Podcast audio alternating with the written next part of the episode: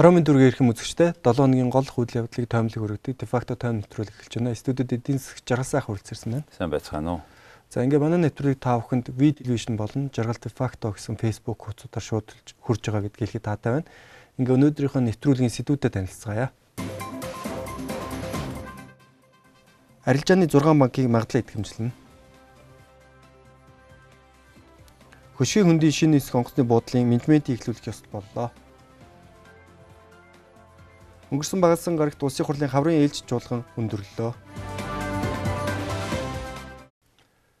За ингээд өнөөдөр нэвтрүүлгээ эхнийхээ сэдвээр оръё. За олон улсын валютын сангийн активын банкнот кейс активын чанарын үнэлгээ хийсэн гэрээний дагуу активын чанарын үнэлгээс холбоотойгоор нийтдээ нэг 7 банк бол өөрийн хөрөнгийн дутагдaltaй гарсан. За ингээд тухайн банкнууд бол өөрийн хөрөнгөө нэмэгдүүлээ гэсэн юм шаардлага тавьсан боловч нэг банк нь бол харах нэмэгдүүлж чадаагүй учраас татан болгосон ийм үйл явдал бас л тэгээд үлдсэн 6 банк дээр нь бол Монгол банкны зүгээс одоо Бэлэтийн сангийн нөхдүүд яриад магадлал итгэмжлэх болсон гэсэн ийм мэдээллийг бол өнгөрсөн 7 хоногт өгсөн байлээ. Тэгэхээр ер нь энэ талаас яриагаа эхлэж удаж байна. Арилжааны банкуудыг магадлал итгэмжлэх гэдэг нь ямар очлог бүтэлтэй зүйл юм бэ? Яг яг юу хэлээд байгаа юм бэ гэдгээс.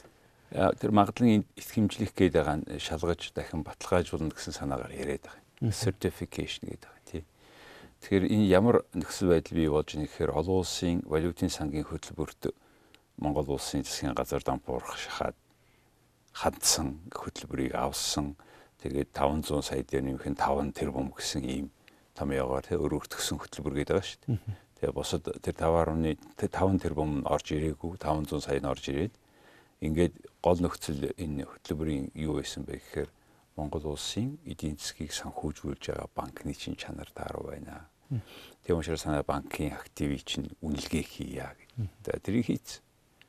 Үнэлгээ хийгээд та нар энэ тодорхой банкуудын дөрмийн санг нэмэгдүүлээч гэсэн. Тэд нар нэмэгдүүлчихээ гэж хэлсэн.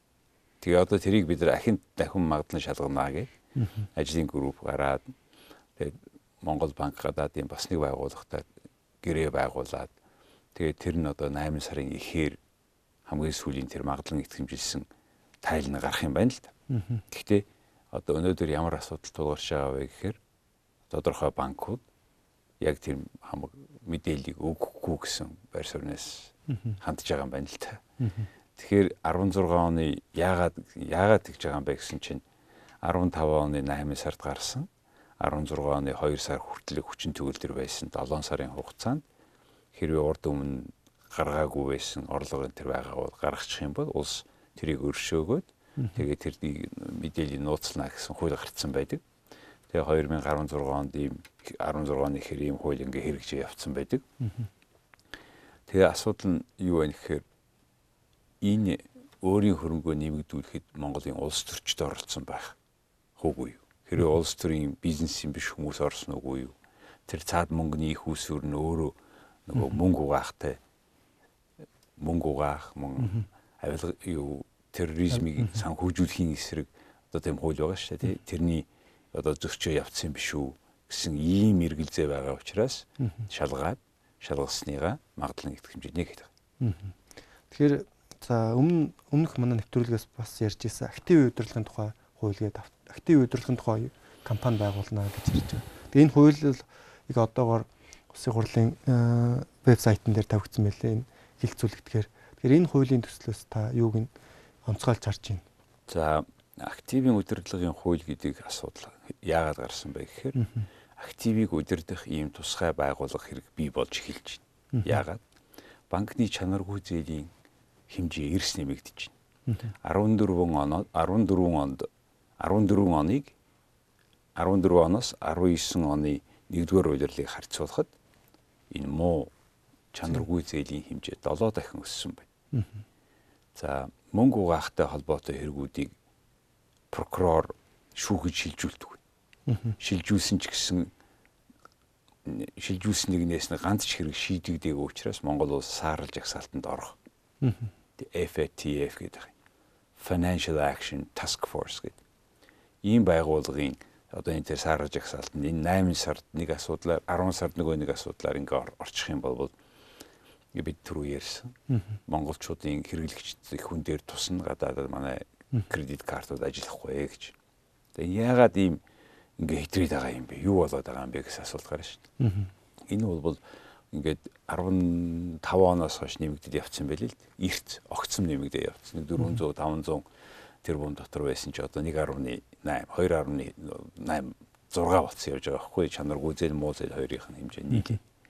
Тэгэхээр энэ бол нөгөө төргийн тогтцом томорсон төрийн нэрээр баахан зээл аваад тэр яг бизнесийн зориултгүйгээр өгчсөн эсвэл бол тэр зээл авсан хүн угаасаа өгөхгүй гэсэн бодолтой байсан гэх мэтэр ийм хардлага төрүүлээд байна л.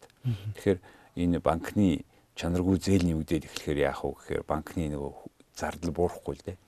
Нөгөө сангаа илүү байгуулдаг. Тэгээ энээсээ болоод жишээлбэл Монгол улсын банкны салбар эдийн засгтайгаа адилхан байгаа. Ойролцоогоор 33 их найд төгрөг байгаа тийм ээ. Тэгээ энэ бүх банкны нийт активийнх нь талан хувь тал хувьтай тэмцэх зээл яваад байгаа юм. 17 орчим тэрбум төгрөгийн зээл Монгол улсад байна л да. Тэгээд энэ тэр мөнгөний чинь одоо ингээд 7.4% нь ингээд чанаргүй ингээ яваад эхлэхээр том асуулт гараад байгаа юм л да. Нөгөө одоо тэгэхээр одоо нөгөө тэр чанаргүй эргэлзээтэй найдваргүй энэ зээлүүдийг энэ зээлүүдийн ангилдан тохируулсан тодорхой эрсдлийн сан гэж байгуулдаг тодорхой хуваар нь хөрөнгөний үнэлгээнийх нь тэрүүгнээс нь бууруулах хэрэгтэй болчихж байгаа юм. Эрсдлийн сан байгаа. Тэгээ тэрийг бууруулмагцсан нөгөө юу чинь дараа нөгөө өөр төлбөрийнх нь асуудал гарна. Гэмээр ийм менежмент хийх ажлыг active asset management гэж ярьдаг л да. Солонгос чивэл нэг 60-аад гэдэг оноос хийж эхэлсэн баг. Ер нь банкыг эрүүжүүлэх явцдаа. Гэтэ энэ их нарийн асуудал бас. Ягаад гэвэл чанаргүй зээлийг өөрийнх нь хөрөнгөөр хаах, өгөлгийг нь бууруулах, банкны эзэмшийн бүтцийг өөрчлөх, тий? Шинэ компани тэр хөрөнгийг захиран зарцуулах хэрэгтэй байхаар ийм зохицуул бол одоо зайлшгүй шаардлагатай болчихжээ гэсэн үг. Тэгэхээр ер нь банкны салбарын яг энэ төвшөнд ийм хэмжээнд хүрсэн байгаа шалтгаан нь юу юм бэ гэдэг дээр зөвхөн ер нь яг энэ салбарын лобби маш хүчтэй байдаг. Тийм учраас өнөөдрийг хүртэл хууль тогтоомж бусад дүрм журм банкны яг энэ тодорхой эздэд зориулаад ингээ хийгээд ирсэн учраас энэ хүртэл явчлаа гэсэн нэг ийм зүгээр хүмүүсийн хувьд хардлага байдаг л. Тэгэхээр ер нь одоо энэ шинээр батлагдж байгаа хууль тогтоомдын хувьд ч гэсэн та ер нь хэр одоо энэ эдийн засгтаа хэр нөлөөлөх хууль үү? Банкуд өөрийнхөө муу активээс салах бол тэдний ч үүрэг, Монгол банкны ч үүрэг. Тэр утгаараа ийм компани байгуулахад бол лобби ороогүй гэж хэлэхэд хэцүү. За ямар ч гэсэн банкны тодорхой хэсэг нь одоо баг 7 8% ийм байдалд орчихоор бүх нөгөө гисэн зээлий чинь. Тэгэхээр энийг салгаж ялгаж хийхгүй бол ямар асуудал гарч ийн гэтээ зэрэг нөгөө Монгол улсын банкнуудын муу зээлүүдийнх нь голдуу дээр барьцаанганда үл хөдлөх хөрөнгийн байдаг. Энэ олон барилгууд чинь байна шүү дээ. Энийг бол тэгтээ тэргүй энийг бол ингээ харж болох байхгүй юу? Ер нь ихэнх олон банкуд дэлхийд даяараа үл хөдлөх хөрөнгөөс болоод ингээд нөгөө эрсдэлтэй зээл нэмэгдээ ингээд дампуурдаг л да. Тэгээ манайд энийг бол ингээд хүчээр зогсоогоод янз бүрийн програм хөтөлбөр гээд ингээд амь тариагаар өдий болтол явуулсан. Тэгэхээр энэ бол хизээ нэгэн цагт илэрх гээд байгаа. Тэгээ энэ илэрхтэй тэгээ ялангуяа хажуугаар нь их усвэр нь тодорхой биш бөө мөнгө болоод тэр тэр мөнгүүд чинь том том байшингууд болцсон байх магадлал өндөр болоод нь шүү дээ. Нэг талаас. За ингээд дийлэнх барьцаа чинь үл хөдлөх хөрөнгө. Нөгөө нэг асуудал нь нөгөө банк тэрийг хураагаад авлаач гэсэн захиран зарцуулах эрх нь тэрийн болгон байдаг. Өөр хуулиар 20 та байдаг. Тэгээ хууль шүүхээр явдаг. Тэр нь 2-оос 3 жил, заримдаа 5 жил явдаг. Тэгээ энэ бүхнээс чинь болоод банкны менежмент хурааж аваа зарж болохгүй байгаа учраас тийм учраас энийг нь зохицуулах тусгай компани байгуулъя гэж. Энэ мэдээж ихний ээлжиндээ төрийн компани байж таарах гэдэг юм л да. Тэгвэл нэг асуудал байгаа. Нэг одоо гол анхаарах юм бол зүгээр л нэг Э, энэ хүмүүсийнх нь активийг цэвэрлж өгдөг компани биш байх ёстой. Юуны өмнө тухайн компани тэр өөрийнх нь хөрөнгөөс нь зөндөө их тэр муу зэйг хаалгасны дараа нөгөө тухайн банкны эзний өөртөө нөгөө шаардлагатай капитал дотор Монгол банкны нэг шаардлага байгаа шүү дээ. Тэрэн дотор эзлэх хувийн жин эрс багсан шүү дээ. Тэгээ тэр нөгөө тал нь нэмэгдээд ихтэй шүү дээ. Мөнгө нэмэхийн тулд тэр нь энэ корпорациудыг хилж ороод тэгсэн мөр энэ юу гэсэн үг гэхээр банкны эзний одоо үндсэндээ банкны ихэнх хөрөнгө нь энэ компани мэдэлж хийчих байхгүй. Тэгээ ганц энийг хүртэл эдгээр хийлгэхгүй юу гэдэг бол асуудал. Яагаад гэвэл банкны лобби угаасаа улс төрд маш хүчтэй байгаа Монгол улс тийм.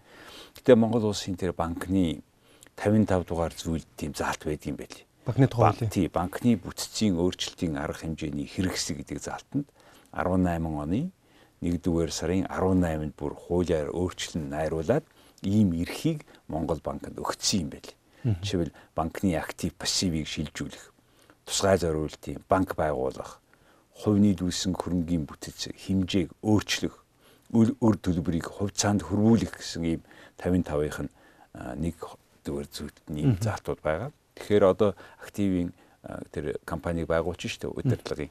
Юм бол үндсэндээ муу энэ муу зээлтэй муу зээлтэй чанаргүй зээлтэй ихэнх нь тийм болсон банк руу ороод тэднийг тэр чанаргүй зээл нь арилгаад тэр оруулсан хэмжээгээр тэдний хувьцаа эзэмших нь багасгаад ингээд явах хууль зүйн нөхцөл бүрдсэн байна. Энэ бол одоо бас нэг бас нэг зөв алхам юм уу да.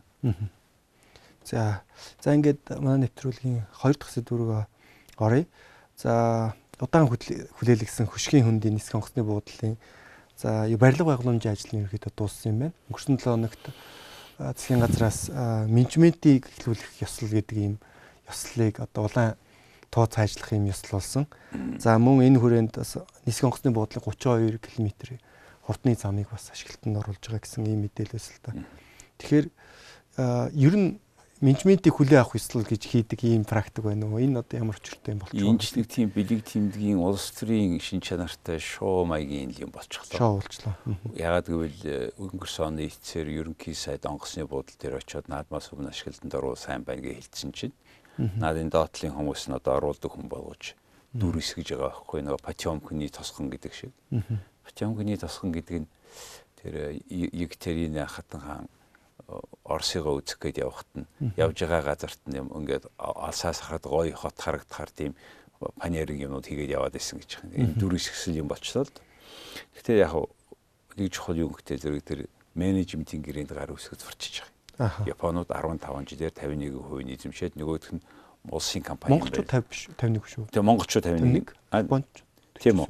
Тэгээд 51 49 хувиар тийм эзэмшээд тэгээд ингээд явах юм байна л да. Тэгээд Гэхдээ монголчууд бол одоо нэг иймэрхүү менежментийн гэрэмэрийг тэмдэглэхтэй биш л дээ. Энэ бол бидний хувьд яг иргэдийн хувьд нээлт биш юм л да. Тэгээд хизээ нээлт болох вэ гэхээр та ороод нисэх газрын чинь сонголт өндөр онгоц чинь нисээд эхэлвэл нээлт болно шүү дээ. Эхнийхээ онгоцыг нисэх юм бол тэгээд тэр зам энэ төр ч гэсэн дуусаагүй юм байл шүү дээ. Өнөөдрийн байдлаар зам буцаа хаагдсан байгаа. Тэр өндөр зам чинь. Тэгэхээр яг наадмын үний болж байгаа нэг юм ивэл шоу болчлоо л доо. Тэгээ нөгөө талаас жинхэнэ нээлт хийх маш удаан хүлээгдэж байгаа. Бид 11 жилийн өмнө Японуудаас 65.6 тэрбум йений зээл аваад Тэгээд өнгөрсөн жил 10 жилээр 10 жилийн хугацаанд төлөхгүй 10 жилийн дараа төлөх үүрэгтэй байсан. Тэгээд манайх зээлээ төлөөд эхэлсэн. За энэ хугацаанд нөгөө онгоцны буудал чинь байдгүй. Японууд юм аа цагтаа хийдсэн.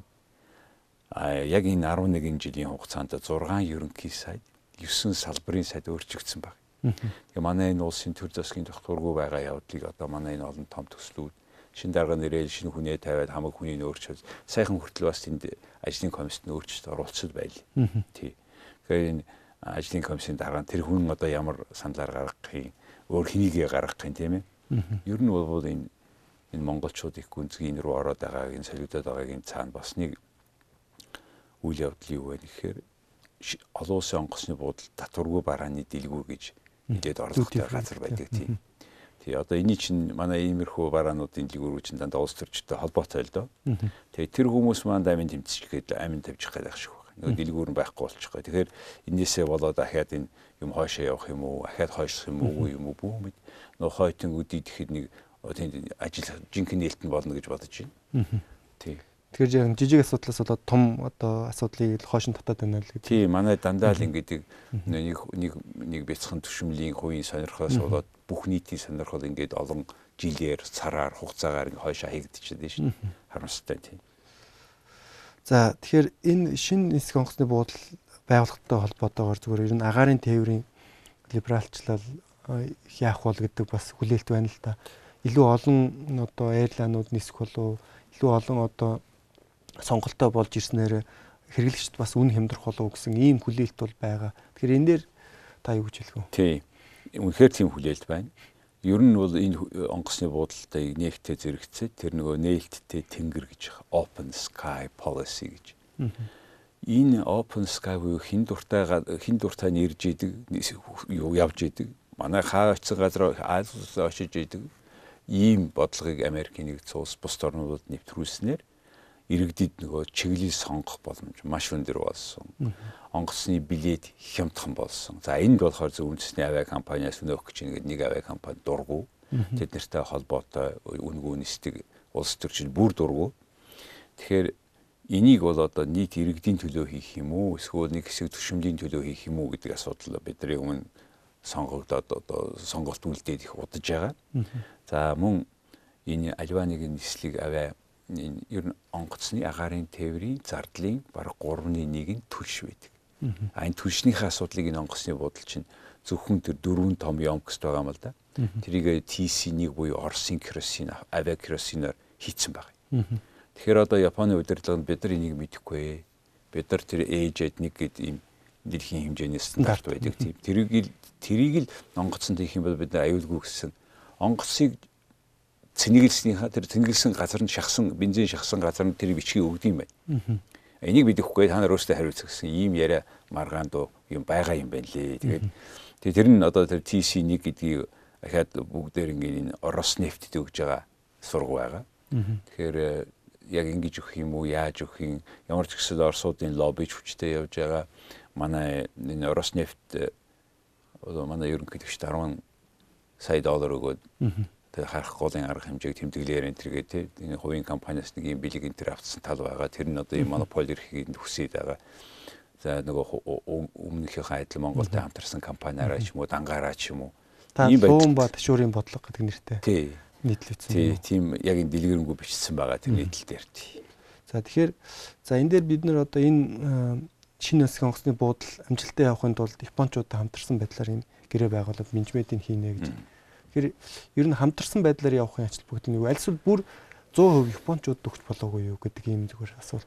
Тэгээ тэрийг чинь өгөхгүйгээд бөө юм болсон л доо. Одоо болт энэ менежментийн гэрээ онгоцны буудлын онгоцны буудлын японууд өөрсдөө бариад 2 жил болж шít баг. Өвөлдөө сард 1 тэрбум төгрөгийн хий мөнгө төлдөг.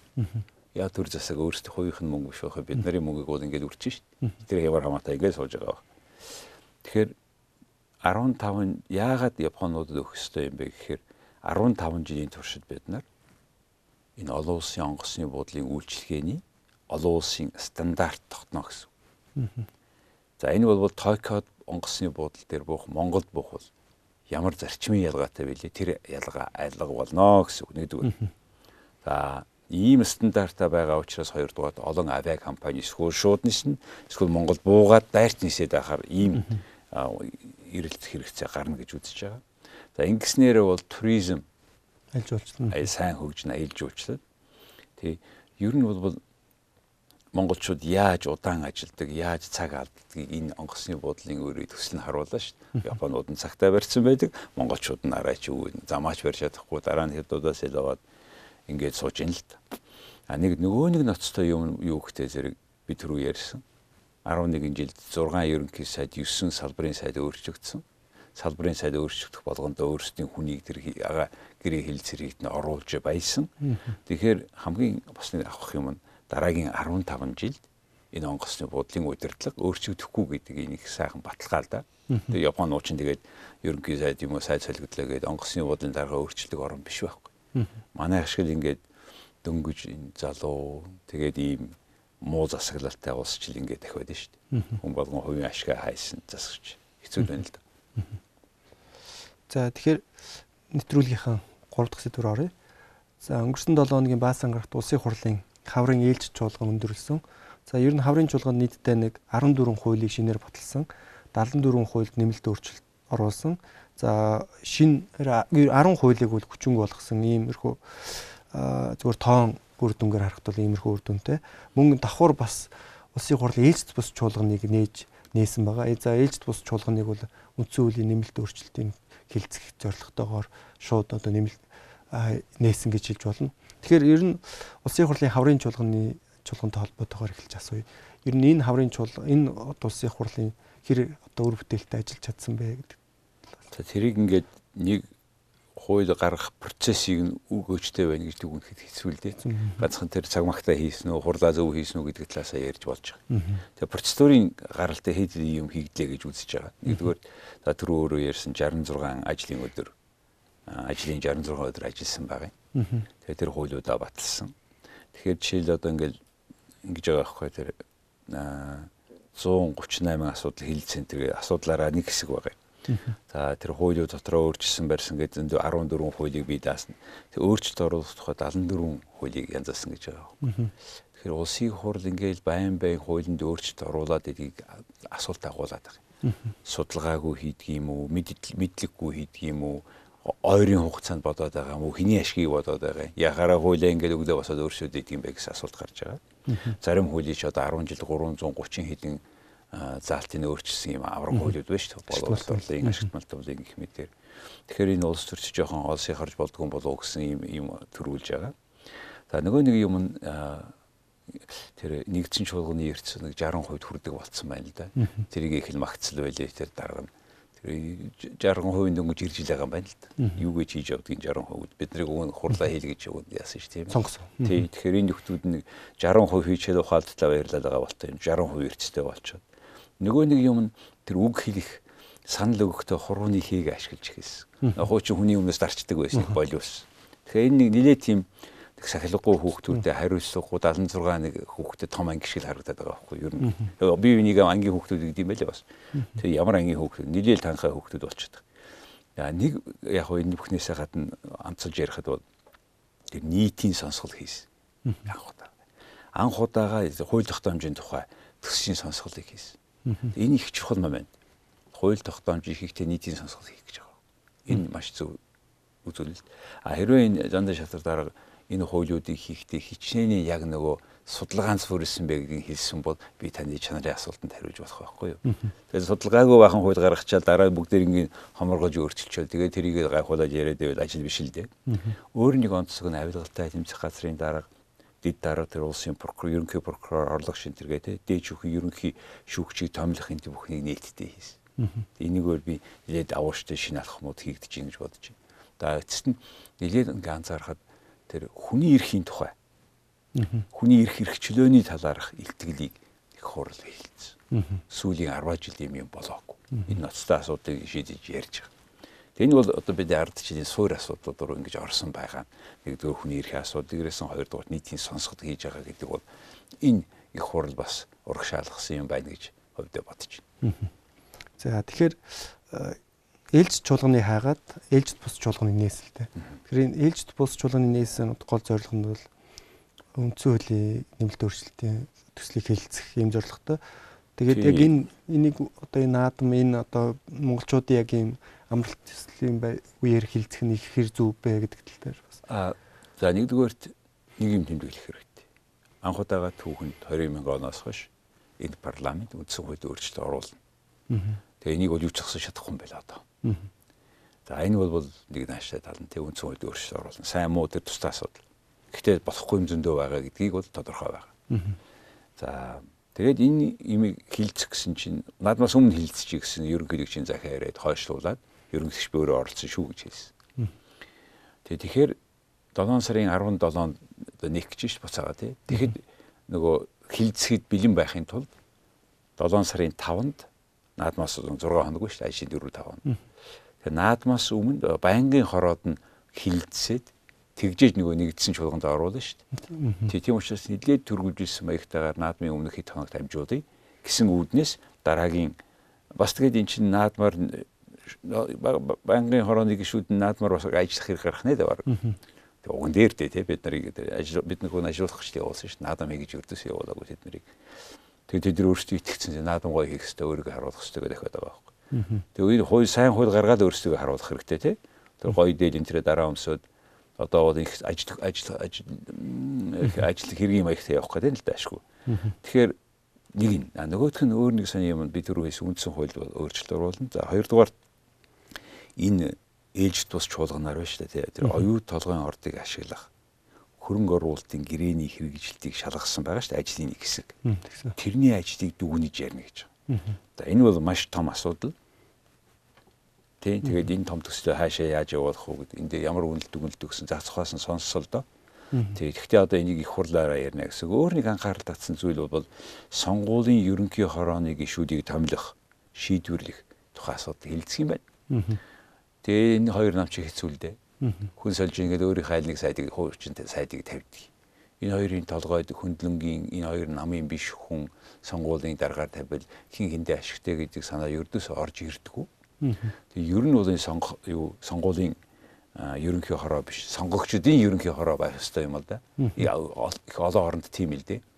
Яг л тэр хоёр нам өөр өөрсдийнхөө сонгох даргаыг тавиад тахтай байдаг. Иргэдээсээ тавих хэрэгтэй байхгүй.